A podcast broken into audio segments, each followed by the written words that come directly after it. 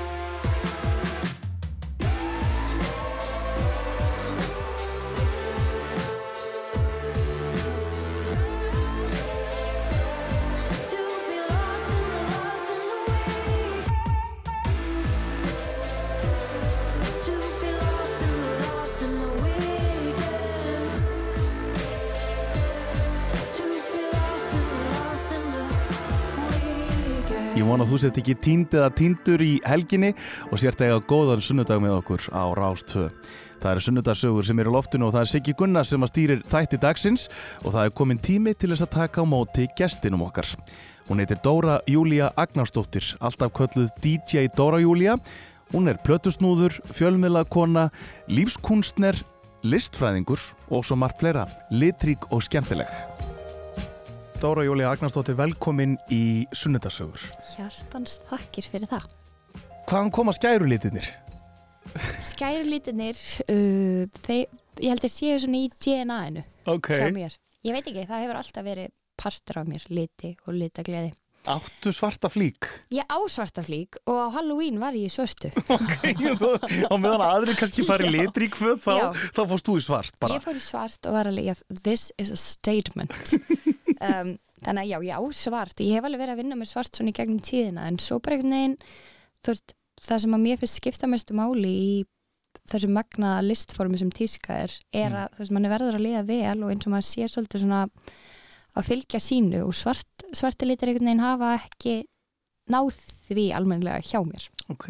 Þannig að mér er stæðlega gaman að vinna stundum með veist, svart og munstur eða eitthvað, eitthvað fangi kjóla um, þá sleppur það en annars lítið sko. En sko, hvernig er það í, í svartasta landi í heimi? Við, við elskum svartar flíkur og, og þá kannski hvít, og kannski mögulega grátt. mm Hvernig er, það að vera alltaf í svona ábyrrandi fötum? það er stundum eins og ég sé svona keift atrið hvert sem ég fer það er alveg svona ég held einhvern veginn, já, maður er orðið mjög vanur því að þetta veki einhvers konar aðtegli sama, þú veist, misjákvæða Mm. um, en oftast bara mjög skemmtilegt Já. en það er oft alveg bara svona ó, sjá, wow þú veist, það er svona alls konar komment eins og Já. maður sé svona, tada, hvað segir allir woo, þú veist, það er svolítið svolítið þannig væp ok. um, sem er bara hérna mjög skemmtilegt, maður er eins og er svo fyndi hvað maður venst í einhvern veginn Hefur hefur bara- þetta, hefur þetta fyllt þér alla tíð? Þessi litagleði og... já, já,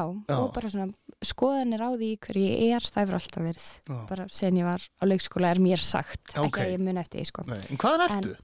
ég er úr Reykjavík Mm. ég fættist í Danmörku mamma og pappi voru þar uh, að klára nám og mamma var að vinna, hún er lögufræðingur og pappi var að klára master í starffræði Já, og ég bjóð þar, þú veist, fyrstu tvö árin þannig að ég man ekkert eftir en við höfum í gegnum tíðina verið duglega heimsækja þessar svona rætur þaðan. Svo bjóð ég í Vesturbæ og svo flutti ég í 105 þegar ég var að verða 5 ára og hef búið þar síðan í 105. þú ert hlýðastelpa. Mikil hlýðastelpa. Ok. Ég er 105 for life. Og, hérna, gest í skóla þar þá Já, svona? já, ég var í Ísaskóla og svo var ég í Hátegskóla, svo byrjaði ég í MR en skipti yfir í MH bara til að vera í 105 Já, ég myndi alltaf að segja það, fórst ekki örglega í MH. og hérna útskjáðast úr MH svo 2012. Ok, Þannig að ég hef mikið verið í þessu og þú veist, kefti fyrstu íbúðuna mína í hlýðunum og alls konar. já, akkurat. Þannig ég er einmitt svona, sé ekki fyrir mér, eða þú veist, ég sé mig ekki fyrir mér búkstar annars stæðan, það kemur auðvitað ekki tíma að því. Mm. En ég finn svona, æ þú veist, það er svona alls konar hluti sem að móta hver maður er og 105 er eitt af því hjá mér. það er svolítið þannig. Já, það er ekki fallegt að finna svona tengingu Jú, við, við hverfið sitt. Það er yndislegt. Klambratúnið, kjarvalstaðir, maður er rétt hjá bænum en samt í svona róleitum sko. Mm. Þannig ég er mikil, ætti að vera prósentu hjá fastegnarsölum íbúður í 105. Ég, ég held að myndur vilja, þú getur verið svona bæjarstjórun í 105 Já, Já. kannski einhvern tíma. Nei, ég veit ekki með það samt, ég er ekki vissum að hérna, það sé mín hylla. En hvernig, hvernig bann var Dóra Júlia? Uh, mjög virt, Ok, virkt um, og mjög svona, kannski pínu hömlulaus. Ég var, já, orku mikil, ég talaði alveg óþólandi mikið og spurði fólk óþólandi mikið af spurningum og setti fóreldra mína oft í mjög óþægilega aðstöðu að því ég spurði bara alla spjörunum út sem ég hitti. Þannig ég hef alltaf verið svona kannski verið eitthvað forvitin og líka áhugasöm og svona hef alltaf verið mjög orkumikil. Ég hef alltaf fundið svona þú veist, það er mikil orka innra með mér sem ég þarf svona að leysa úr læðingi skilur til dæmis bara hérna stundum ef ég kannski ringja og spyrja eftir vinkonum minn og hún svaraði ekki að það var á tali. Mm. þá let mamma mig bara svona hlaupa upp og niður stegan og ég gætt ringt aftur bara að því ég var bara, hún svarar ekki, þá bara já, hlaupi hérna tíu sinnum upp og niður tröfnar, ég bara ok hljópa upp og niður, veist, ég hef alltaf einhvern veginn, og þetta er svo fyndið út að ég er svona ennþá í dag, Mm. ég er smá svona þú veist, ég hef þurft svolítið að passa upp á að uh, læra þólunmaði og yfirvegun. Það er svona, það sem að kannski á síðustu árum ég verið að reyna að tilenga mér út af það hefur vantað svolítið hjá mér. Ok, ok. og hérna en orkan er og áhuga sem er alltaf til staðar. Og ég er, þú veist ég held ég sé frekar svona jákvæð og lífsglöð. Ég hef alltaf verið þannig, mér finnst hlutur ótrúlega spennandi og skemmtilegir. Mér finnst ótrúlega gaman að upplifa og mér líður oft bara svona eins og ég sé 100% að upplifa það sem er að gerast. Fattur hvað ég er að meina? Bara, þú veist, maður heyrir eitthvað geggjarlag og maður er að keira og það er rigning og maður er bara 100% í mómentinu og bara, þetta er geðveikt þú Þú skinjar allt, alla leið Já, ég reyna Já, að gera já. Mér finnst það svo, þú veist, mér finnst það svo magnað. Þólimæði og yfirvegun og þeir skorti hana Hvernig var Já. að vera úlingur án þólimæði og yfirvegunar? Hvernig voru úlingsárin? Þau voru, já, þau voru mjög áhugaverð og ég var líka, maður bæta kvatvísi inn í þetta líka. Ok, En um, já, þau voru mjög áhugaverð og ég var svolítið svona, þú veist, skapið var stundum smá fyrir mér. Um, og ég svona varð mjög fljótt eitthvað svona sagði eitthvað, var pyrrið en svo er ég líka mjög fljótt ótrúlega glöð, skilur Mm. þegar ég var yngri og það, það var alls konar eitthvað sem að gekk á ólingsárunum en það er samt svona eins og svolítið fyndið að mjög mikið af til dæmis vinkonum sem ég kynntist á ólingsárunum eru ennþá ótrúlega góða vinkonum mínar í dag og þær eru hetjur og það, ég er alveg bara vá, ok, það þurfti mjög mikla þólmaði að held ég að því að ég var mjög svona út um allt Já.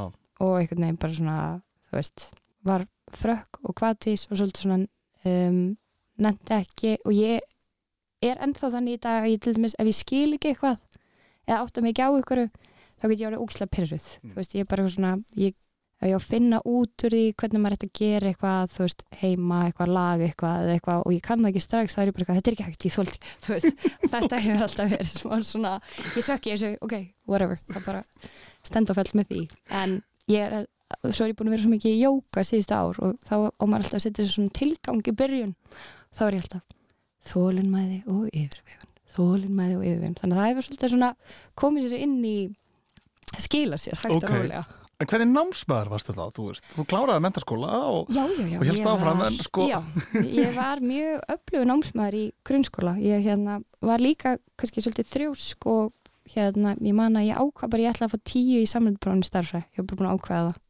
Og það gekk upp. Já, Já, ég má, ég, gley, þetta gleymist ég er tíu í starffræði í eru reyndar, ég veit ekki hvort þau eru ennþá til staðar, en þetta er mjög leim staðrend að segja Nei, ekki En- fyrir mig, þá veistu þetta bara hljómið svo bara að ná að leysa einhverja kjarnorku þraut, sko. Já, ég var þetta- mjög stolt, pappi var líka mjög stolt Já, já, enda já. Já, akkurat. En ég var hérna, já, svona gekk mjög vel, ég átti auðvelt með tungumál og ég átti auðvelt með starffræði, það var svona meira kannski samfélagsfræðin og svona sem ég var ekki mjög öflug í.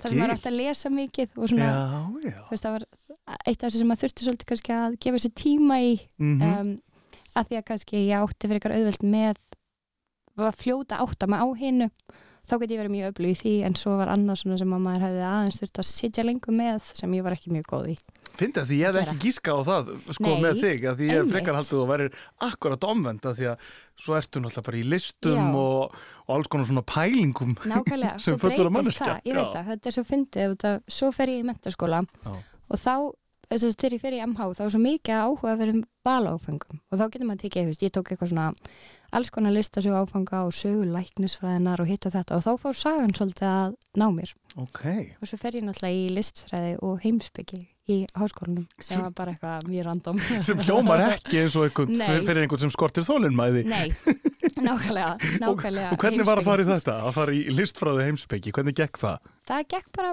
fínt. Þetta var bara svona, mér finnst þetta bara alveg ótrúlega áhugavert. Og mér finnst þetta mjög skemmtilegt þannig að það var svona, æ, veist, það var svo mikið líka í gangi svona umræðu tímar og umræðu hópar maður svona sitja og spjalla og þá náðum maður svolítið svona komast almennilega inn í það sem maður var að lesum eða reyna að skilja Mm eða kynna sér en þó ég veit samt ekki ennþá hvort ég hef skilið eitthvað en þú veist maður er alltaf eitthvað svona, já, býti, já, ok auðvitað, maður er að rifja svona reglulega upp það sem maður lærir í gegnum tíðina Já, en ertu nógu duglega við það? ekki nótuleg, Nei. nei. en ég náttúrulega fór svo aftur í COVID í ná, Akkurat, þannig að það hefur líka verið svolítið skemmtilegt að því að þá fer maður svona, þegar maður er svona að verða þrítur og er í námi, mér finnst það svona allt öðru heldur en þegar ég á 21 árs og þá núna er maður alveg bara svona maður er mikið að pæla í bara samfélaginu og tengslum listrana við samfélagið og hvaða áhrif þú veist, það hefur og bara bylgjur sem er í gangi og það sem er í gangi í samfélaginu Mhm. þú veist, það er bara svo mikið af mögnu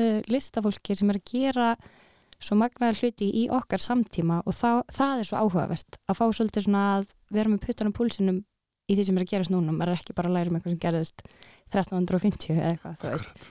Þannig að mér finnst það mjög gaman og breytt, ég breyttist mjög mikið svolítið svona já, hvernig maður hugsar þegar ég fór aftur í nám. Mm. En sko, þú fer hérna í, í listfræði og heimspeki upp úr tvítu og, og Mhm. hvað gerir þú svo? Þú veist, uh, var DJ það er bara, það er bara beint, það, Það er er maður ekki að vera með gráði í listri og heimspeki til að vera DJ Ég- ég- Kannski, mér sýnist það hvernig það er gengið en, Já, en sko, he, þú fer bara ú- út úr, út úr náminu og fer Já. beint í, í þetta hark sem, sem uh, skemmtanabransin er eða já hvað? eiginlega þetta, Já. ég hérna, ég fór að vinna í borginni á umhverjus og skiplösi eftir útskrift, þú veist, sumar eftir útskrift Mm, hvað árið þetta þá?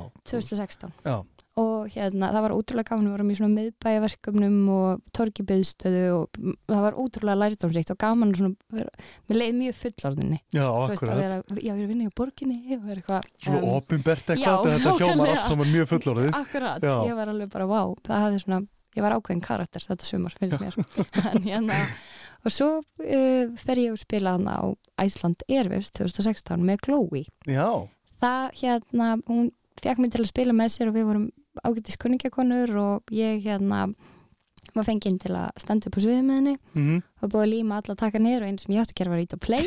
Þannig að það var hérna ekki flókið það, en það var mjög skemmtilegt. Og hérna kjölfarið þá einhvern veginn spyrst þá út að ég sé farin að DJ og ég náttúrulega, já, já, alveg já, Já. Dóra Júlia er farin að DJ þú veist, það var svona sem að þekkti inn í veitingabransanum og eitthvað sem að frétta af því já, og um, ég er náttúrulega bara með mjög opin hug og mjög kvatís ákveða að kýla á það að taka happy hour gig á sæta svíninu og það er sérst ástildu bára vinkona mín Mm. í dag var Mm. veitingastjóri þá, ég þekkt hann ekki þá hún er alveg, myndir vilja koma? bara já og svo nýtti ég svolítið eh, þetta, það, það á, áhugaverða og magnaða tól sem að Instagram getur verið mm, þá er ég alveg, þú veist, ég er náttúrulega sett eitthvað bara, við erum að fara að svið í hörpu er að fara að spila, eitthvað og hérna var alltaf að deila bara, er að spila í happy hour hér, er að spila í happy hour hér og boltin einhvern veginn bara fór að rúlla bara á fullu og þetta þróast einhvern veginn ótrúlega í það sem það er í dag, skilur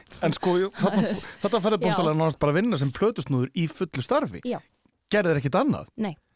Gerði ekkert annað, byrja, þú veist það, það var hann að, ég er einmitt á sex ára DJ-amili núna, Já, til hann ekki með það. takk fyrir, það erum við sendinni Já, akkurat.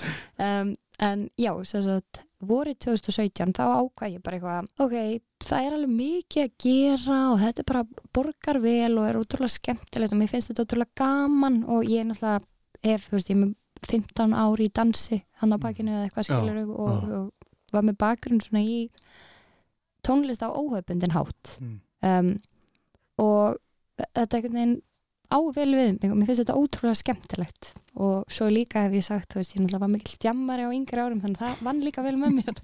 Að ég vissi svona, ég veit hvað mér finnst virka ógæslega vel á dansskólinu og hvað fólkinni kringum mig finnst virka veist, ógæslega vel. Þannig að þetta einhvern veginn bara varða að þessu og voru 2017 þá var ég bara eitthvað, ég ætla að prófa að taka sömur og vera bara DJ, ég ætla ekki að segja um neina vinnur eða vera að gera neitt annað og svo bara var það þannig þangað til að COVID kom Og, Þannig sko, var- já, og bara sjálfstætt starfandi, Já. er það ekki? Jú.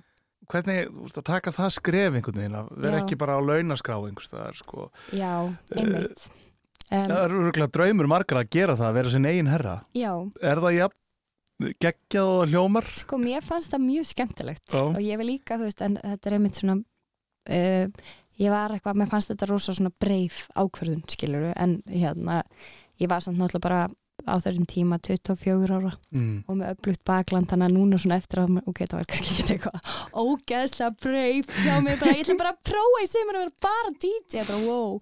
en hérna, en samt bara gaman þú veist að hafa haft trú á sér og svona Mhm. mér er alveg mjög stolt af því og Ég verð að segja það, þú veist, Já. þú, þú, þú ferð á svið þarna og búið að líma á alla takkana, mm þú er aldrei DJ-að áður Mhm. og nokkur mánuðum síðar ertu, hefur það mikla trú að þér og þú ákveður að gera þetta af bara starfi, fullu starfi. nákvæmlega Það heitir að hafa trú á sér. Já, það heitir það og það er eitt af þessu líka svona kannski þegar maður fer pínu fram úr sér og það er gott Já. maður hugsaður ekki alveg til enda eða þú veist, maður leifir sér ekki að fara að ofhugsa Mm. skilur og það, Mhm. það vinnur alveg vel með manni að vera stundum svolítið og þú veist, svo líka var ég bara eitthvað farin að fá gig í útlöndum og hérna og spila, já, hér og þar og maður var eitthvað bara svona, ok, þetta er að virka. Mér finnst þetta ótrúlega gaman. Ég veit að ég hef fullt af potensial í þetta líka og fólk verðist allavega að vera að fíla mann, þó að það sé alltaf eitthvað sem er mjög erfitt að hérna átta sig, eða þú veist það er oft þannig að maður er einhvern veginn bara svona, "Ó, er, er fólk búið að fá nóg á mér, er fólk verið þreytt á mér? Þú veist, þetta er eitthvað svona Já. innra ströggul sem ég hérna er mjög erfitt, Ok. þannig að maður þarf svolítið að, að sko líka hugsa ok, mér finnst þetta skemmtilegt og þetta gengur vel. Um, þannig að þá verður maður að hafa trú á sér. Þarna hjálpaði kvatvísin þér. Já, mjög svo. Og fugsanir og tala um það, ertu alveg svona frekar lausu það að vera að velta hlutunum á mikið fyrir þér? um, svona í stóra samhenginu þá já. Ég einhvern veginn svona hef verið frekar dögulega að kýla á hlutina og reyna að, að stoppa mig ekki af en ég þarf mjög ofta að tala mig til skilur, þannig að þú veist, ófugsannar kannski eiga sér stað hér en ég leifi þeim ég reyna að leifa þeim ekki að fara þú veist, eiga sér stað fyrir utan? Já. en maður þarf ofta alveg bara að heyrðu þú veist, nú ætlum við aðeins hérna að róa, róa okkur niður og maður þarf að ég þarf alveg að eiga samtal við mig til að byggja mig upp og svona skilur Mhm. um, þannig að það kannski kannski mætti alveg skilgrana það sem einhvers konar ófugsanir þegar maður fer að pæli því einmitt bara eins og sumt sem ég hef svona smá verið að upplefa upp á síðkasti er svona einmitt þetta að hvenær hætti maður að vera relevant það Mhm, fyrir mig, þú mhm. veist er, er fólk ennþá fíla mann, er ég þú veist, er ég cool? Já. það er svona en ég held, ég veit ekki hvort að mér líður svona eins og margar konur í bransunum tengi svolítið við það Mhm. um, og, það- en þess vegna er ég líka svolítið svona að reyna veginn, ok, ég ætla ekki að leifa mér að fara þangað eins og þú veist, ég var alltaf fyrst bara eitthvað, já, veist, þetta, þetta er að fara að vera í svona þrjú ár, þetta er að fara að vera í svona fjögur ár. Ég hugsaði bara svona, ok, þú veist þegar ég er orðin 30 þá kannski er, fó- fólk er ekki að fara að bóka mig þá, eða eitthvað Mhm. svo er ég bara orðin 30 og ég er í fullu fjöri. Þannig að um, já, ég held líka að maður þurfa að passa sig svolítið að uh, fara ekki fram úr sér hvað þetta varðar skilur að vera ekki eitthvað, að ég verður orðin, þú veist, ekki nóg flott eða ekki nóg góð eða ofgumul eða eitthvað. Heldur þetta, þetta ekki meira bundið við konur í þessum ég held það, ég held það, mér finnst það og það er svona einhvern veginn kannski líka bara út af umræðu og bara á miklu stærri skala, þú veist, bara líka út í hinnum stóra heimi, þú veist, Mhm. eins og í Hollywood og eitthvað, þá hefur maður svolítið svona þetta er kannski eitthvað í undir meðutundinni sem hefur tekið þetta til sín einhvern tíma og er svona, já, einmitt, þú veist hérna, það er eitthvað svona alltaf meðvitaður um að einn daginn verður maður ekki eins og relevant Mm. og maður er, eða eitthvað, Það er svona meiri best fyrir dagsendinga á konum heldur já, algjörlega og bara í, í öllu þú veist, í, Mhm. í þessum svona skemmtarnabransi ég veit að, þú veist, líka bara í listinni og í, í hérna kvikmyndabransa og alls konar skilur þá hérna hefur þetta verið eitthvað svona þetta er eitthvað svona eitthvað toxic dæmi úr menningunni sem hefur verið komið svolítið svona áleiðis kannski til hvernig í gegnum tíðina Já. en það hefur verið að reyna að hrista þessu upp í þessu og er búið að vera hrista upp í þessu og náttúrulega fjölbreytileikin er orðin þú veist, miklu meira ábrendi í dag Mhm. en við þurfum samt alltaf að vera að taka samtali, við þurfum alltaf að vera að hrista upp í, þú veist, norminu og, og fá svona meiri vít á fjölbreytileikan það er aldrei eitthvað sem er bara bók sem er hægt að tykki og er komið, skilur Það er Dóra Júlía Agnarsdóttir sem er gestur í sunnudarsögum í dag. DJ Dóra Júlía er hún alltaf kölluð. Við ætlum að taka okkur smá málkvíld en höldum svo áfram að kynnast þessari litriku og skemmtilegu mannesku í sunnudarsögum. There's a place I go to when no one knows me. It's not lonely, it's a necessary thing. It's a place I made up. Find out what I'm made of. The nights I've stayed up, counting stars and fighting sleep. Let it wash over me. Ready to lose my feet. Take me off to the place where one reviews life's mystery. Steady on down the line lose every sense of time. Take it all in and wake up that small part of me.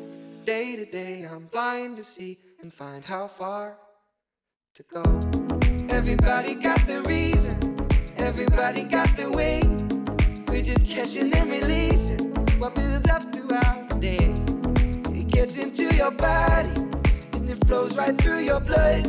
We can tell each other secrets and remember how to love. Da da dum da dum dum dum. Da dum dum dum. Da dum dum. Da da dum da dum dum dum. Da dum dum dum. Da dum dum.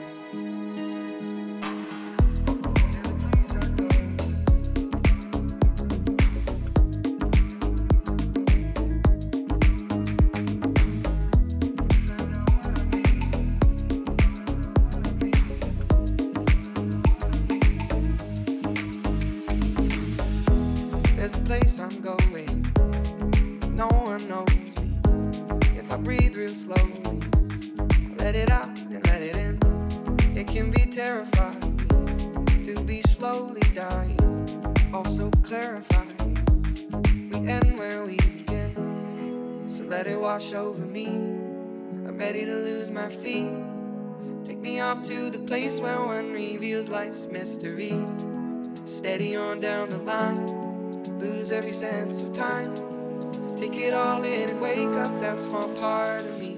Day to day, I'm blind to see and find how far to go. Everybody got the reason, everybody got the way.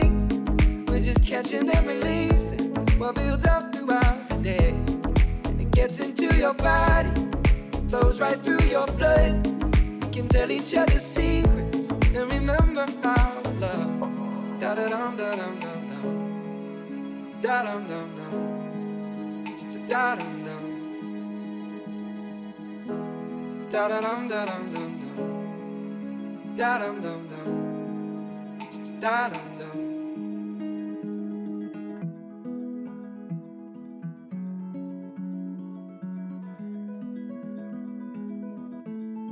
Sunnudagssögur. Þú ert að hlusta á Sunnudagssögur á Rás 2. Það er Siggi Gunnars sem að stýrir þættinum af þessu sinni og í dag eru við að kynnast Dóru Júliu Agnarsdóttur, DJ Dóru Júliu.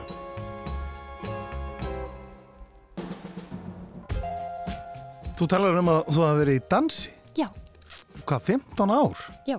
Hvað, varst það, uh, já, mörg ár allavega. Já, Já, ég var í dansi frá því ég byrjaði því ég var fjögur ára í ballett og mér varst ekki gaman. og það mér langaði bara að vera svona, það var alltaf, það var alltaf að vera svona, maður var alltaf svona óþekki krakkin ég skil. í ballett. þá var ég svona, Já. nú setur þú og bara hefur þögn og horfir. Já, Og það mér langaði bara svona að vera veginn svona hoppa og skoppa um og príla og eitthvað. hvernig áhrif hafði það á því að vera alltaf óþekki krakkin? Heldur að það fyllt þér sko? Já, bara, veistu að þetta er mjög, mjög góð pæling og ég stundu búin að vera að pæla í þessu. Það var alltaf svona líður þess að það hefur mjög oft verið að, að svona skamma mig. Já, og svona um, eins og maður eigi ég var ekki nógu prúð. Já, stundum hef ég alveg pælt í því. Mm Mhm. já, ég var ekki nógu prúð, hvað áhrif hefur þetta? Ég er ekki alveg viss en þú veist, ég held svona kannski að það hafi stundum aftramann sem á að taka pláss fattar þú, maður er Mhm. svona ah, og, e, ok, er ég aðeins og hérna? Þú veist, maður er kannski meðvitaðri um sig, ég veit það ekki. En það er alveg áhugavert að pæla í því út af því að þetta var í eiginlega öllu sem ég var í, þá var ég óþekki krakkin já.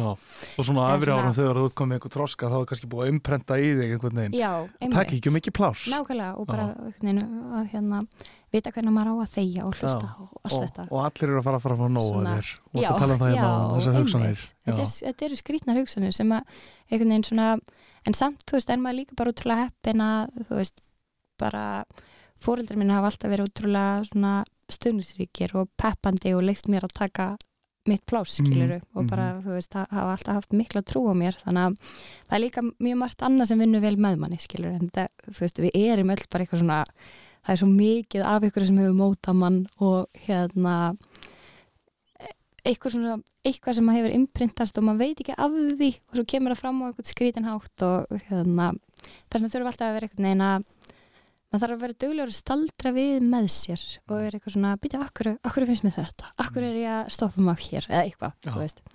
Það er svo Akkurat. gaman, Við erum svona samansapna alls konar rispum og beiglum nákvæmlega Ah. nákvæmlega, en það, þú veist, gungum við ímislegt. ja, akkurat. Já. lífið er bara svo mikið alls konar, alls konar upplöðanir og alls konar eitthvað.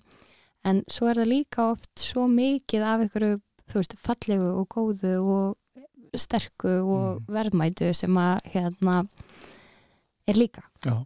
líka hjá okkur. Þannig að, Og þú ert þarna í dansinum og, Já, sagt- í dansi. og, og, og hérna og svona vörn þá að koma fram og, og svona, algjörlega, algjörlega. Og hefur alltaf haft mjög gaman að koma fram. Ok. það er eitthvað svona, mér finnst það svo gaman að koma fram. Mér finnst þetta svona mér finnst það svo skemmtilegt listform og ég náttúrulega dansar og svo mikið. Jú, jú, í, hérna, bara í mínum settum. Þetta er Já. allt svolítið svona þetta er svona, svona heildræn framsetning einhvern veginn, myndi ég oft segja, þú veist, ég fer oft einhvern veginn upp á DJ-borðið og dansa og fyrir splitt og geri hitt og þetta. Um, af því að mér finnst, þú veist, dansi bara eitt af mínum uppáhalds tjáningaformum já, og mér finnst rosalega gaman, þú veist, ég útskæðist þess á listhansbraut samhliða mentaskóla já, já. og af, úr hérna JSB þannig ég Ok. læriði klassískan ballett, jazzballett, nútímadans og alls konar alls konar svoleiðis, svo fór ég aðeins að kenna dans já, og eftir stutt eftir það. Þannig ég verið, var í dansheiminu mjög lengi og þá hefur maður alltaf verið mjög mikið að pæla í takti og tónlist og reyfingu og bara hvernig er gott að flæða og reyfa sig í gegnum lög. Mm. þannig að það er, það er einmitt svona sundum kannski, finnst mann eitthvað mjög random eins og mér finnst random að- á orði DJ en svo er maður alveg, fyrir en tónlist og taktur hefur alltaf fyllt mér, þú veist, Já. þó að maður hafi ekki verið í, í tónlistanámi eða eitthvað, þá er margt annað sem að hefur móta mann og kent manni, Mhm. alls konar Sko, uh, kom það aldrei greina að verða bara dansari? Uh, Nei, ég hérna held ekki, það veginn mér varst þetta svo ótrúlega gaman en þetta var ekki eitthvað sem ég var tilbúin að taka lengra og hérna þetta var svona maður var í ykkur 20 tíma viku eitthvað, ég ment sko alltaf í dansi og ég fann bara einhvern veginn svona þegar ég var á útskjáðast þá var ég bara svolítið tilbúin fyrir eitthvað nýtt, Mm. en bara ég elska dansara og bara mér er svo æðislega gaman að fylgjast með eins og bara sumum sem að voru með mér og hafa farið lengra og verið að gera alls konar stórkostlega hluti. En það bara átti ekki við mig held ég Er þetta harður, er þetta ekki svolítið harður heimur líka? Svona mikil ægi og, uh, og útlitstyrkun og ákveðin Nei. form og hvað? sko hvað? ekki, ég held ekki að það sé þannig, ég veit það ekki ég hérna, En ég meina þú En- talar um var 20 tíma kannski á viku Já. og æfingum sko, Það er ægi, það þarf að æfa sig það er algjörlega, það er mikil ægi en það er svona eins og núna, þú veist, bara í þessum nútímadanseim, ég held að það sé miklu meira þú veist, það bara held að séu miklu svona heilbreðari og fallegri samskipti og meira svona allavega það var aldrei neinn svona útlitspressa í, í okkar námi, Mm, aldrei neitt þú veist, ykkur hugmyndir að matara eða neitt svona, það var ekkert svo leist það var Ok. bara, skilur það var bara svona hugmyndafræðin á bakvið dans og reyfing og eða þú veist svona þetta var bara mjög svona heildsteift Mhm. heildsteift, heildsteift Mhm. já, mjög heildsteift, en ég held, þú veist, maður hefur auðvitað heyrt bara í klassiska ballettíminum út í útlöndum og svona, það er allt Já. annað batteri Það er svona stereotypan einhvern veginn sem maður sér allan í mynd já, bíómyndum nákvæmlega, Black. Swan Já, akkurat, Já. já, ég veit ekki, ég held að sé svo sem ekki alveg þannig en, en ég held að sé meira kannski bara harkið sé meira bara að hérna, dansar er ekki að fá nógu mikið funding mm, já, og og, þú veist ekki nóg þá- mikið til að peningum Nei, ekki Nei. nóg mikið til peningum og, og hérna þannig, að held að það sé meira svona harkið Mm. en allavega þú veist þá hef, á ég bara uppbyggilega reynslu af því sko, það var aldrei neitt að skipta þessu neitt að en svo er náttúrulega bara líka þannig að það sem að var kannski erfitt það sem að mér fannst erfitt var meira til dæmis þegar maður er í ballett og maður er í bara bleikum ballettsvakabúsum og ballettból þá er kannski auðveldara sem úlingur að fá ykkur að komplexa skilur Já, sem ég náttúrulega var alveg að glíma við já, þú veist. þú Já. þessu leiðis Já, já, já, já. Ég var hérna var með uh, ég veit ekki, trigger warning var með áturskun þegar Ok. ég var yngri Ok. um, og hérna alveg bara ég sko talaði mjög opinskátt um það sem að undistrykka líka mína kvatvísi Mm, að í fyrsta skipt sem ég rætti það ofinbarlega við mömmu þá var ég búin að vera veik í ykkur þrjú ára eða eitthvað þá fór ég og skrifaði pistil sem ég byrti og ég var ekki eins og nú sko búin að tala um pappa eða neitt og allt í einu var bara DFF og vísir og MBL og eitthvað. Með hefur byrt þess að grein? Og ég alveg, já. Svo hringdi ég pappa bara, hæ, heyrðu hérna það er að koma eitt pistil sem ég skrifaði. Og þú veist, þá, allt í veginn bara svona bara mínúti eftir ég horfðist í augu við að ég þurfti á hjálpa að halda þá vissi Mm. bara allir á Íslandi sem hefur áhuga á því já, ég skil þig af því ég alveg bara, ég har að koma sér frá mér ég Já. að segja ykkur hérna, ég er búin að glíma við þetta, þetta, þetta, þetta og bara, ok, it's out mm. sem að var samt bara mjög gott Já, ég ætlaði að spyrja hérna bara næst að, að- vinna út úr svona eins og átröskun er það besta leiðin undirlega bara fú, að Ég- að það er fara þetta áfram að kvart, kvartveðsinu ja, það er ekki fyrir alla held ég um. En þú veist, það sem kannski var fyrir mig var svona, ok, núna verði ég að gjöra svo vel og leita mér hjálpar og, og að því ég er búin að segja allum frá þessu skilur Mhm. en kannski það sem ég áttaði mig ekki á sem var svolítið erfitt var að, að þú veist, í kjölfari, þetta er 2014 eða eitthvað þá var ég svolítið mikið að lendi í því á djammi að það voru stelpur sem vildu rosa mikið koma á trún og, tala um hérna sín vandamál og spyrja mig hvað er eftir að gera. Og ég var bara var ekki vel í stakk búin fyrir það. Og þegar ég var kannski bara nýbyrjuð að leita mér hjálpar á þessum tíma. Þannig að mér varst það svolítið svona erfitt veist og það var bara alveg þannig í dálinn tíma að það var bara næsta vildi fá maður trún og næsta og þú veist að þetta var bara mjög obviously risastórt samfélagslegt mandamál sem að enginn hafði eiginlega talað um Einmitt, á þetta er algengt. Já, já, Mm. já, já. Og Akkúrat. það er svona svolítið bara breytt núna, núna náttúrulega bara andlega veikindi er orðin, þú veist, umræðin í kringum þau eru orðin um, mikið opnari. Mm. miklu bara, þú veist ég þekki engan heila sem er ekki á sálfrængi skilur þú veist, það er á meðan að ég mann, þú veist, ég var alltaf bara, ég er að fara til læknis ef ég var til sálfrængs, þú veist, ég var á, yngri. Á áratug ef við bara einhvern veginn, þetta voruð minna tabu að vera á sálfræðingi. Nákvæmlega, bara svo æðislegt að vera hjá sálfrængi og mikilvægt. Hver, Um, um, veist, hver var leiðin þín út úr þessu sko? Já. Sko, ég hérna var byrjað að vera hjá sálfræðingi og þú veist, það er náttúrulega auðvitað líka það er bæði eru langi beðlistar og það er kostnæðsamt að vera hjá sálfræðing þannig að það er náttúrulega svolítið erfitt að segja fólki að það er bara fara til sálfræðings eða er að, að hérna, glíma við ykkur svona, eða bara við andlega veikindi eða Mhm. vanlíðan en ég kom stað á kvítabandinu 2014 held ég að 15 þannig að ég fór í svona meðferð þar, bara svona samtalsmeðferð og listmeðferð sem er mjög skemmtlegt Já. og hérna það bara hjálpaði mér rosa mikið Mm. og þetta er svona einhvern veginn, já, þannig að það hefur skila sér og en maður er alltaf meðvitaður um þetta Er það ekki? Þetta, þetta Já. er bara þannig, þetta er eitthvað sem að þú bara eitthvað sleppir, þú veist, Já. þú, þú, þetta er eitthvað sem að þú hugsa að það er að viðhalda vinnunni sem orða, já, að, já, ekki? já, maður Já. þarf að gera það eins og svo mörgu sem að Já. við, við sem manneskjur erum að kljást við nákvæmlega, nákvæmlega og það er líka bara svona, þú veist, umhyggja og svona sjálfs ást skilur, Mm. skiptir ótrúlega miklu málu maður þarf að vera í góðri tengingu við sig til þess að geta bara svona verið meðvitaður um að því að þú veist, já, hvað er að hverju sinni? Hvernig líður mér? Eh, og, og þú veist, er ég nokkuð í ykkur svona smá áhættu núna varandi Mhm. þetta? Og þá þarf ég að hugsa ok, hvað get ég gert til að koma mér aftur á þann stað sem ég vil vera á, skilur um, þannig að það er alveg þetta er svona, einhver sagði þetta er lífstíðarverk já. En um, þetta er samt bara minnst það ekki hrjá mig. Mhm.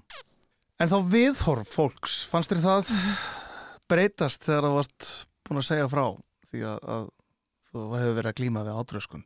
Sko, hva, hvernig var það? að sko, segja frá þessu, þú hugsaðir Já. ekki neitt um, þú bara nei, settir fram nei, status og eitthvað Já. svo leið sko. er þetta eitthvað svona, finnst þér, óþægilegt að tala um þessi mál í dag Mér finnst það, Já. mér finnst það stundum svolítið erfitt Já. út af því að um, ég held kannski bara að því að þetta tók það komið svo mikið á óvart hvað þetta vakti mikla aðtegla á sínum tíma mm. með að við bara kannski það sem að já, ég var ekki vundi að fólk væri að stoppa mig í bæ og vildi ótrúlega mikið fara á trún og, og segja mig frá alls konar erfiðum lífsreynslum skiluru um, þannig að það sem að já, mér fannst þetta svolítið svona það vissu þá allir, já, þetta er hann að Dórióli sem talaði um áturskunna, allir sem Já. að kannski könnuðust eitthvað við mig eða þekktu til.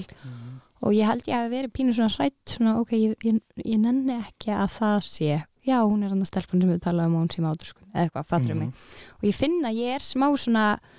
ég er svona ó, ok, ég vona að hérna um, já, ég þarf að augra mig svolítið að tala um þetta. Að því að, þú veist, svo maður líka bara einhvern veginn, þú veist, ég hef bara upplegað það á síðust árum að maður er að gangi gegnum eitthvað erfitt og hérna, maður er einhvern veginn að reyna að díla við það, þá er ég alltaf svo rætt um að fólk haldi til dæmis bara að ég sé komið áturskun aftur eða eitthvað svona skilur, maður er alltaf svona og ég er svona stundum í fjölskyldubóðum þá líður mér eins og allir sé að pæli því hvað ég sé að borða eða æfattur um mig, Mhm. þú veist, en það er ekki þannig. Mm þetta er bara eitthvað svona þetta er smá svona, ég er svo hrætt um að fólk ætla að skilgreina mig út frá þessu akkurat? Já, um, þannig að það er alveg en þú veist svo er bara svo mikilvægt að geta talað um þetta og rætt þetta. Einmitt, þetta er bara svona eitt brot af þér sem að gerir þig að Dóra Júlíu Akkurat, og bara Já. maður hefur þurft að standa með sjálfur sér þú veist, að leita sér aðstöðar og vinna í þessu og ég bara ætla að fá að vera stolt að því Fattarðu? þannig að það er bara mjög gott að geta rætt þetta Það er Dóra Júlía Agnarsdóttir, DJ Dóra Júlía sem er að segja okkur sögu sína í sunnudasögum að þessu sinni. Það er rétt að geta þess að það er aðstóð þarna úti við ádröskunum.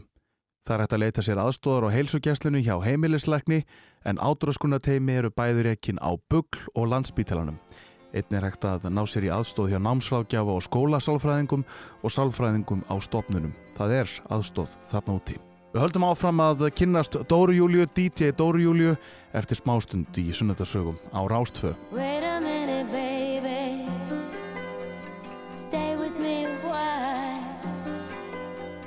Said you you never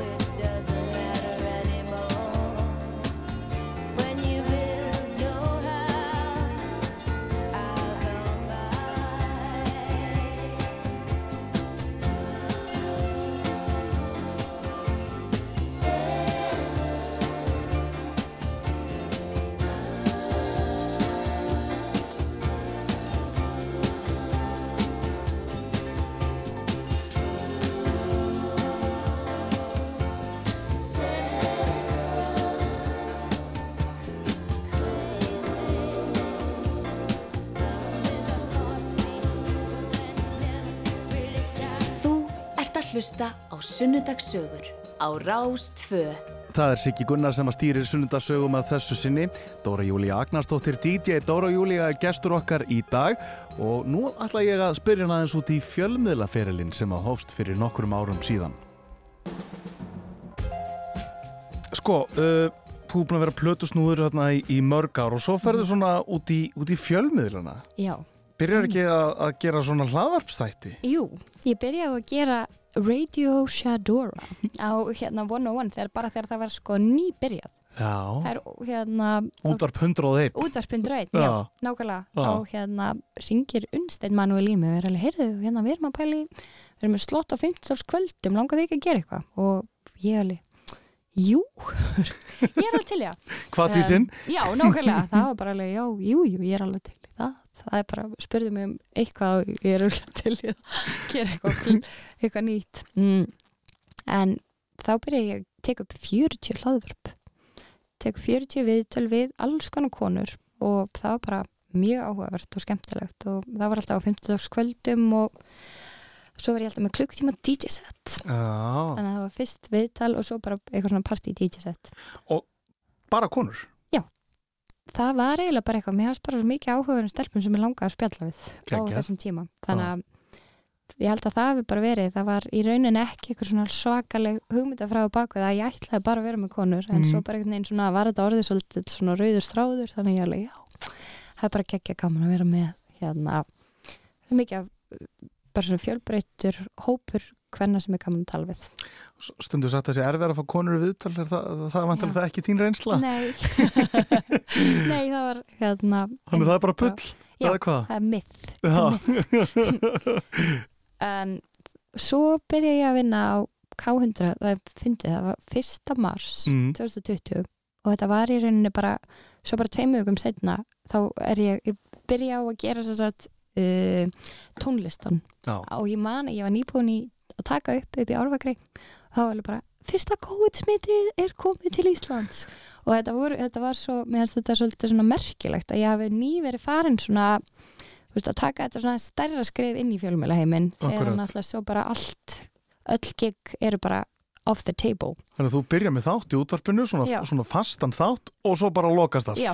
Það, og þú getur ekki lengur er- verið með gig. Nei, og ég gæti ekkert giggað lengur þannig að þetta var mjög Lífið leitið þarna einhvern veginn áfram. Já, Já. Á, á, þetta var alveg, veist, þetta var svo kærkomið líka veginn og veist, maður var að vinna að heiman og, og hérna að bara hafa eitthvað, svona, eitthvað fyrir stafnum, ég varst það svo skemmtilegt og veginn, þannig byrjar svolítið svona þessi fjölmiðla uh, ferill Já, akkurat. og þú veist, í kjölfarið er ég með svona fasta liði á e, K Mm sem er svona b- b- ljósi punkturinn. Og maður er að fóka, þú veist það sem maður var verið að fókusera bara á alls konar svona jákvætt og fallegt og uppbyggilegt og eitthvað svona. Maður var svolítið mikið í því alltaf í byrjun. Ó hérna, séu þetta sæta dýr og alls konar eitthvað svona þú veist, það voru allir elskuðu svona Og þetta var í COVID, og gott. ekki? Nei, jú, þetta var í COVID þannig að það þurfti svolítið bara það það. þurfti, já, þetta var mjög svona ótrúlega krútlegt og skemmtilegt og Og- svo hérna já, þetta, þetta var svo góðu tími. Mm. og svo uh, í fyrra, haust þá fer ég yfir á sín og fæ ég að gera sjónvarsýri fyrir stöð 2 Ok. og fer yfir á FM 957 og á vísi. Og þar fæ ég svolítið svona já, það, einhvern veginn mér varst allt svona, já, vá, þetta meikar svo mikið sens, þetta ég er búin að vera í listfræði og maður er að taka svolítið menningar um fyllin föstum tökum og fá að skrifa um tónlist og taka alls konar viðtöl og þetta er samt ótrúlega áhugavert út af því að ég kannski sá ekki fyrir mér að ég yrði fjölmjölakona heldur svona þróast einhvern veginn mjög skemmtilega yfir í að, og maður er alveg, já, ég er náttúrulega bara fjölmjölakona líka. Um, sem er, mér finnst það ótrúlega gaman, ótrúlega fjölbreytt og skemmtilegt. Hefur það verið svona kannski erfitt fyrir þig að setja hennar stimpil á því að því að uh, þú talar hérna áðan um sko að þú svona þeir finnst þú alltaf kannski vera svona smá að, að að riðjast inn eða, eða þú veist intruder, intruder syndrom sko og hvernig verður hætti að vera relevant og svona þú Já, kannski ekki vilja taka pláss ekki, ekki um óaf Nei, ekkert um- já. En þú ert bara- að, já, Þú þú ert að skrifa, þetta gera sjónvarp og útvarp. Já við þú þætti á alls konar, þetta það er bara, svo, mér finnst það alveg æðislega gaman, mm, ótrúlega skemmtilegt að fá að hérna, vera í svona fjölbreytum og skemmtilegum verkefnum upp á sín og það er einmitt það, maður þarf svolítið svona að læra bara, já, ég er fjölmjölkona og ég er að gera þætti og ég er að gera hitt og þetta og hérna ég plutsnúður og fjölmjölkona Já, akkurat. Og alls konar annað. Já, það er, það, það er málið. Þú ert, þú ert það, þú ert alls konar og, og allt múlíkt konar allt múlít kona. Heldur það verði alltaf þannig? Uh, Vá, ég veit það ekki. En ég, ég held það. Já, ef ég voru alveg seinskilin þá held ég það að hérna, áhuga er mjög breytt og mér Mm. finnst ótrúlega gaman veist, mér, ég ætti svolítið erfitt með að það væri bara þú mátt bara velja eitt og þú þarfst að vera alltaf í því. Þá er ég bara, ó, ég veit ekki. Þú veist, uh, ég þarf held ég fjölbreytileikan í lífið og mér finnst gaman að geta þú veist, brotið svolítið upp á daginn verið í ólíkum verkefnum og kynst ólíku fólki og hérna já, þannig að en þú veist, þess náttúrulega fjölmjölaheimurinn líka er í rauninni mjög hann henda mér ótrúlega vel Mm. af því að hann er svo, þetta er svo örfandi og þetta er svo skemmtilegt og þetta er svo fjölbreytt og ólík verkefni og eitthvað, þannig að ég held allavega að ég hafi 100% fundið hérna, mér eitthvað stall þar sko Mm. Um, og svo finnst mér bara alveg ótrúlega gaman að vera DJ líka. Já, þannig ég ætla bara að fá að gera það þá ætla ég verð gömul held ég.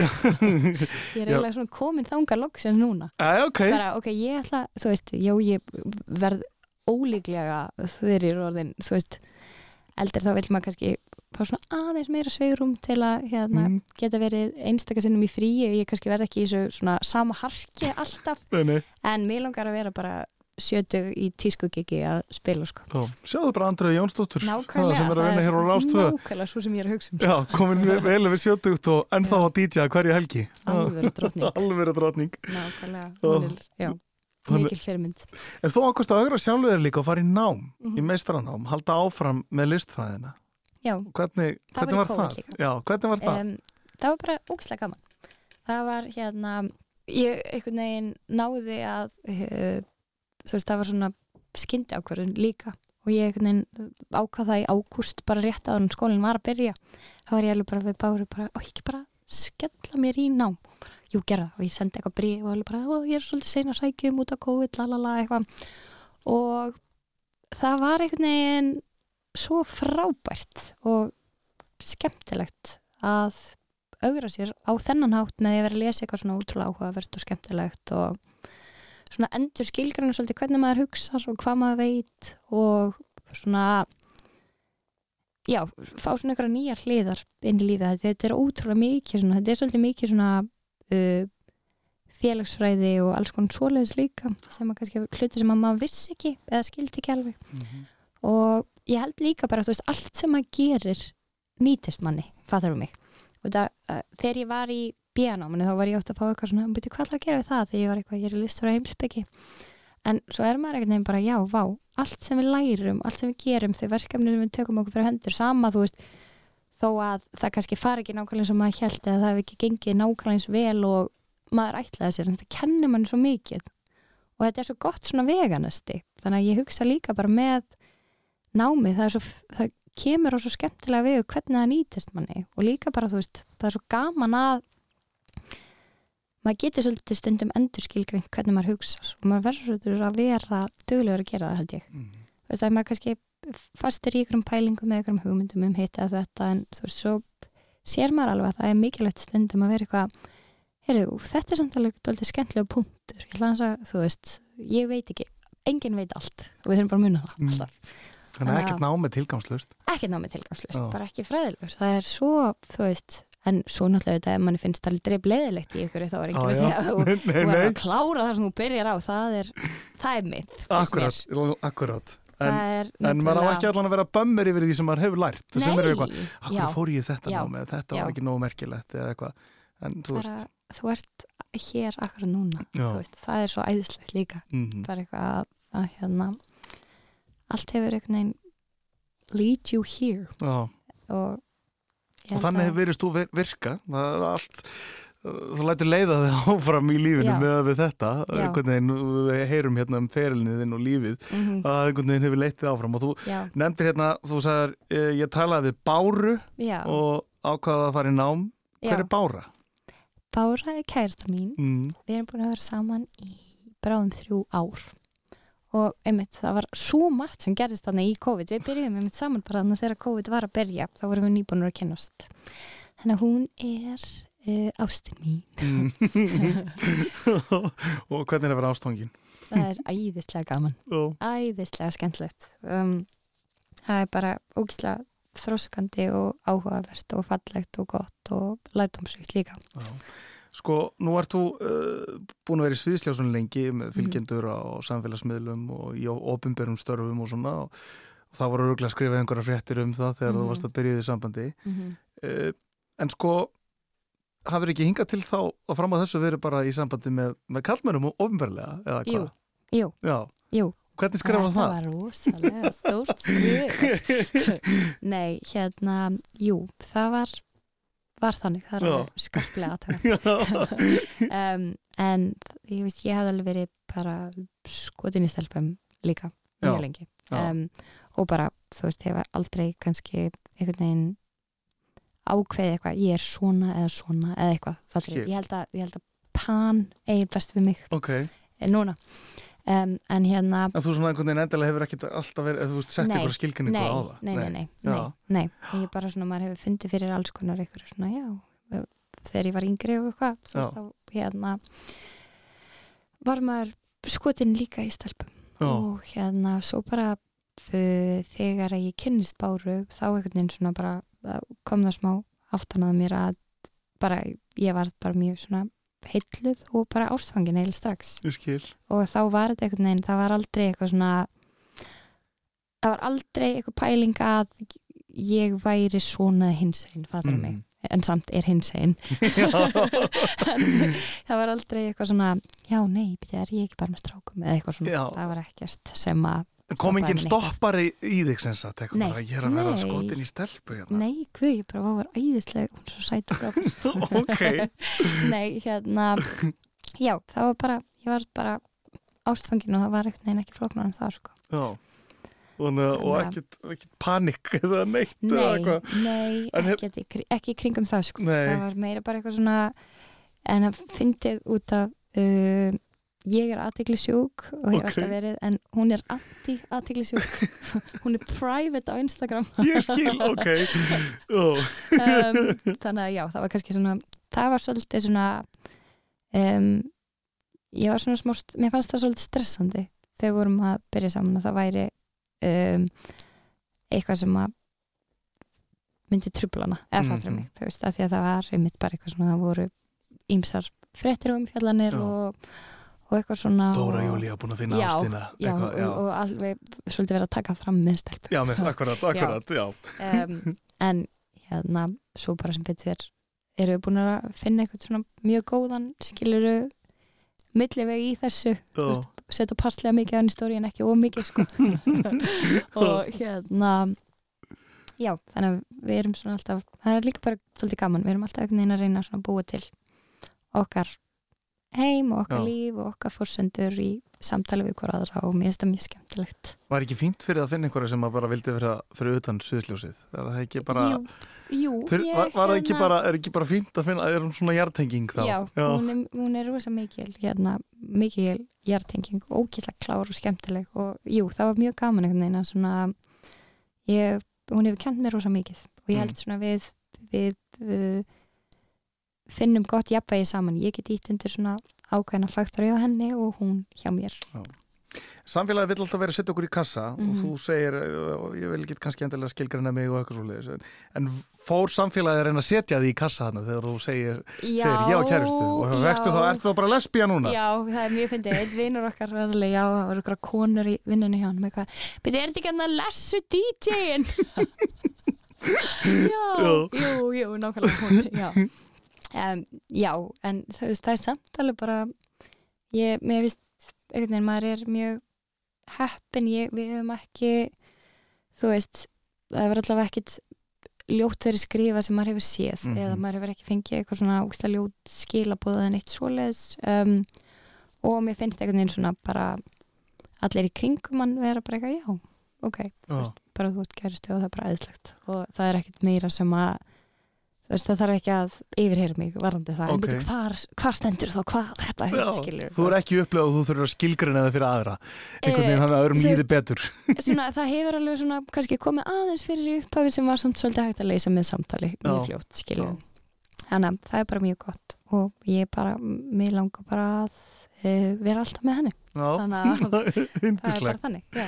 En þú veist, þetta er- þetta sem sagt ekkert svona eitthvað sem að tvæltist kannski mikið fyrir þér, þú varst úlingur eða þú veist að vera Nei, finna einhvern veginn tilfinningar til. Nei, en það er kannski meira svona, þú veist, jú, það var kannski eitthvað sem að maður bara uh, leifði allavega ekki að fara neitt, af því að maður kannski líka bara, þú veist, það var ekkit mikið af einhverjum svona fjölbreytum fyrirmyndum af bara eitthvað fólki með alls konar fólki eða eitthvað Mhm, skilur á sínum mhm. tíma, þetta var bara sínilegja var miklu, miklu, miklu minni. Já, þannig að það var kannski meira bara svona eitthvað mm, já, skorti uh, fjölbreytar fyrirmyndir sem fengu að vera svona áberandi í samfélaginu. Já, og hérna já, þetta var eitthvað sem var svona kannski auðvelt að uh, skilgranna sem eitthvað face á sínum tíma. Já, já, þú veist, eitthvað bara svona, já, eitthvað tímabil eða bara eitthvað svona dismissað kannski, hjá mér líka Já. skilur, eitthvað sem að maður leiði ekki að, að blómstra fyrr en núna. Já, kannski er rosalega margir sem gera það. Já, kannski fleirildinu við höldum. Já. svona einhvern veginn bara svona, æ, nei, þetta er já, bara æ, ég ætla ekki að Já, ætla ekki að lifa þessu að, já, ég held það alveg Já. öruglega, en Já. þú veist bara hvet fólk til að vera leitandi. Akkurat. En þú veist, breytist lífið til eins betra þú veist, fannstu bara það að leifa þess að gerast skilur, Mhm. þú veist, ástin náttúrulega vantarlega hefur gert Mhm. lífið betra, Já. en líka kannski bara einhvern veginn að það er alveg bara einhvern veginn, maður er alltaf að, finna svona sitt sanna sjálf hverju sinni, Já. fattarðu? Og mér líður einhvern veginn bara allavega núna, æ, þú veist þetta koncept að vera svona þægilegur í sér mm það hefur eiginlega aldrei verið ég hef aldrei verið þægilegri ok, akkurat, já, fattarðu, já. veist, maður er allt í einu bara svona já, vá, veist mér finnst allt bara meika sens og ég sé, þú veist ég, ég er að vera nákvæmlega ég Mm. skilur, það er mjög gaman það er fallegt, ég hef aldrei verið Já. þægilegri Já, Já. já, þetta er svolítið, það er svolítið skemmtilegt, mm. þú veist, að líða þannig og maður er bara einhvern veginn svona, já, bara allt er eins og það á að vera, Mm. þú veist. og kannski líka þessi pressa sko, ég veit að krakkarnir í dag tala um það sko, það máli taka tíma líka bara til að finna út úr sér. Já, er það ekki? Það, það þarf ekki alltaf að vera alveg bara að að vera ákveða allt Já, bara. nei, þú fæðist ekki bara með allt á hreinu, Nei, skilur veist, og það er líka bara á við um svo margt í einhvern veginn lífinu, maður er alltaf að endur skoða hlutina, Mhm. þú veist, og maður er einhvern veginn svona heldur kannski að þetta eigi við en að, kannski er það meira hér eða eitthvað skilur, þú veist, við erum maður maður er ótrúlega heppin að fá sveigurum til að vera leitandi Já, akkurat og hérna svo, þú veist, að ég talaði um að auðvitað, maður er kvatis og kýlar á hluti og gerir hlutina og, og eitthvað, en þú veist, svo er maður bara eitthvað vá, það er svo beautifully gaman að Já. hafa einhvern veginn, mér finnst svo æðislega ég er svo þakklátt fyrir það að vera til dæmis að dítja, ég ég verið að finna svolítið fyrir því undanfarið. Um, að því að þú veist, að kom tímabili eins og til dæmis fyrir COVID, þá var ég svona var ég svolítið stressuð og ég fann svona, þú veist, í skamdeginu mér varst erfitt að vera að fara út og fara að spila alla nóttina og maður var einhvern veginn svona ó, þú veist, ég klúður ykkur, þetta, þetta, þetta þú veist, það voru fara, það er svona auðvitað Mhm. að það komi stundum upp, Mhm. skiluru að því að maður einhvern veginn þarf að vera 100% Akkurat Eh, og maður vill Já, vera já, 100%. akkurat, já, já. en það er svolítið gaman núna undarfærið, þú veist, þá er ég bara eitthvað svona ó, ég er svo heppin, þetta er svo skemmtilegt og Mm. mér finnst þetta svo gaman að geta svolítið svona þú veist, maður kannski var farin að vera, þú veist, mynda svona aðeins öðruvísi samband þegar maður kannski hafði ekki nómulega trúið sér á yfir Já. eitthvað tímabilið Já. eitthvað en svo er maður bara svona, ok, þú veist mér finnst þetta ótrúlega skemmtilegt og ég elska þessu vinnu og ég er svo þakklátt en ég ætla svona að prófa að setja fókusin á það, Mm. það þarf Mhm. um, og það er allavega er að hérna, vinna vel með mér núna.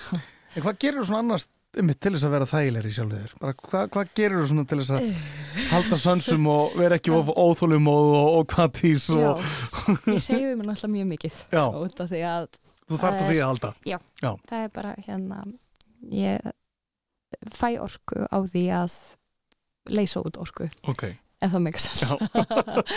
um, já, þannig að ég er alltaf í, í hjá Gerðu bestu í Mhm. heimi. Mm hún er með hana in shape gellutímana og það, ég fann mig einhvern veginn, ég er ekki að grínast. Ok.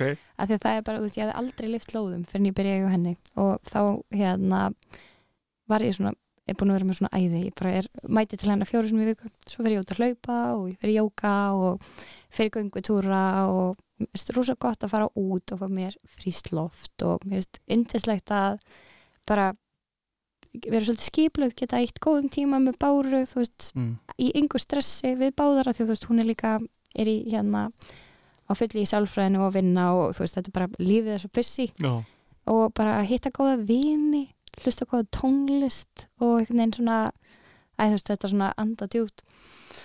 Ah, ok, þú veist, bara við erum akkurat hér og nú og ég er að reyna núna líka að fókusa svolítið á það, þú veist, ég ætla bara aðeins að vera í símapásu núna, ekki að, þú veist Já. ekki vera alltaf að kíkja til dæmis á síman og vera með ég eigi að vera að gera eitthvað. Já, þegar ég er í fríi þá ætla ég að reyna að einbetta mér að því að vera bara í fríi og gera það sem að læti mér líða vel. Það ég er að segja það hér út af ég ætla að gera það. Sem, sem er þín grannlega leið til þess að skrifa pistla eða segja frá út bara, já, þetta er það sem ég er að fara og nú ertu, nú, nú ertu pressu. Can't take it back. Take it, akkurat, akkurat. Og hvað beð framtíðinu skauti sér, það, veist það kannski ekki bara, veist, það er, Ah. bara, það er alls konar þú ert að vinna hjá sín. Mhm. Ég sá þú varst að handla líka einhver á skólínu. Já, Já. ég gerði skólinu með hana Jódís Shoes Já, kúrikastil sem ég er í núna já geggjur. Bam, Ok, já. þau eru, þau eru bleik og blá. Bleik og blá Að sjálfsögðu, skær Já. bleik og skær blá. Það var ógeðslega gaman, ótrúlega gaman að fá tækifæri til að gera það og vonandi verður eitthvað meira af því í framtíðinni. Ok. Um, já, bara vinna hjá sín í alls konar spennandi og skemmtilegum verkefnum. Ég er búin að vera að gera vefþætti, myndlistaþætti sem heita Kunst Já, sem að ég, hérna, My Passion Project. ok. elska það. Og hérna, Það er ekki gaman að fá mitt, þú ert með einhver ástriðu fyrir einhverju Já. og þú færð bara að gera það. það er stórkostlegt og bara að fá að taka viðtöl við Íslands listafólk er svo frábært, svo Já. ótrúlega inspirandi. Um, svo ætla ég að klára svo masterskráðu á einhverjum tímapunkti. ok. Ég er svona slowly but surely að gera það. Og bara, já, einhvern veginn að, að reyna að vera alltaf með putan á púlsinum, uh, reyna að hafa jákvæð áhrif að ykkur liti ef maður getur, Mm. vera meðvituð og njóta þess að fara til.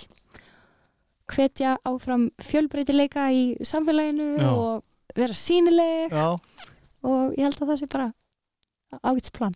ég held að það sé mjög gott plan og ég held að þetta gangi bara nokkuð vel hjá þér. Ha. Dóra Júlía, takk kærlega fyrir komin í sundarsögur. Uh, takk fyrir að vera svona litrík og flottu karakter og takk fyrir að deila með okkur þinni sög. Takk æðislega fyrir mig. Ég er núna í, ég er bara búin að babla, babla, babla og ég vona bara að ég hafi sagt eitthvað að viti. Yesterday my heart was filled with rain. Sunny, you smiled at me and really eased the pain. Oh, the dark days are done and the bright days are here. My sunny one shines so sincere. Sunny one so true. I love you. sunny. Thank you for the sunshine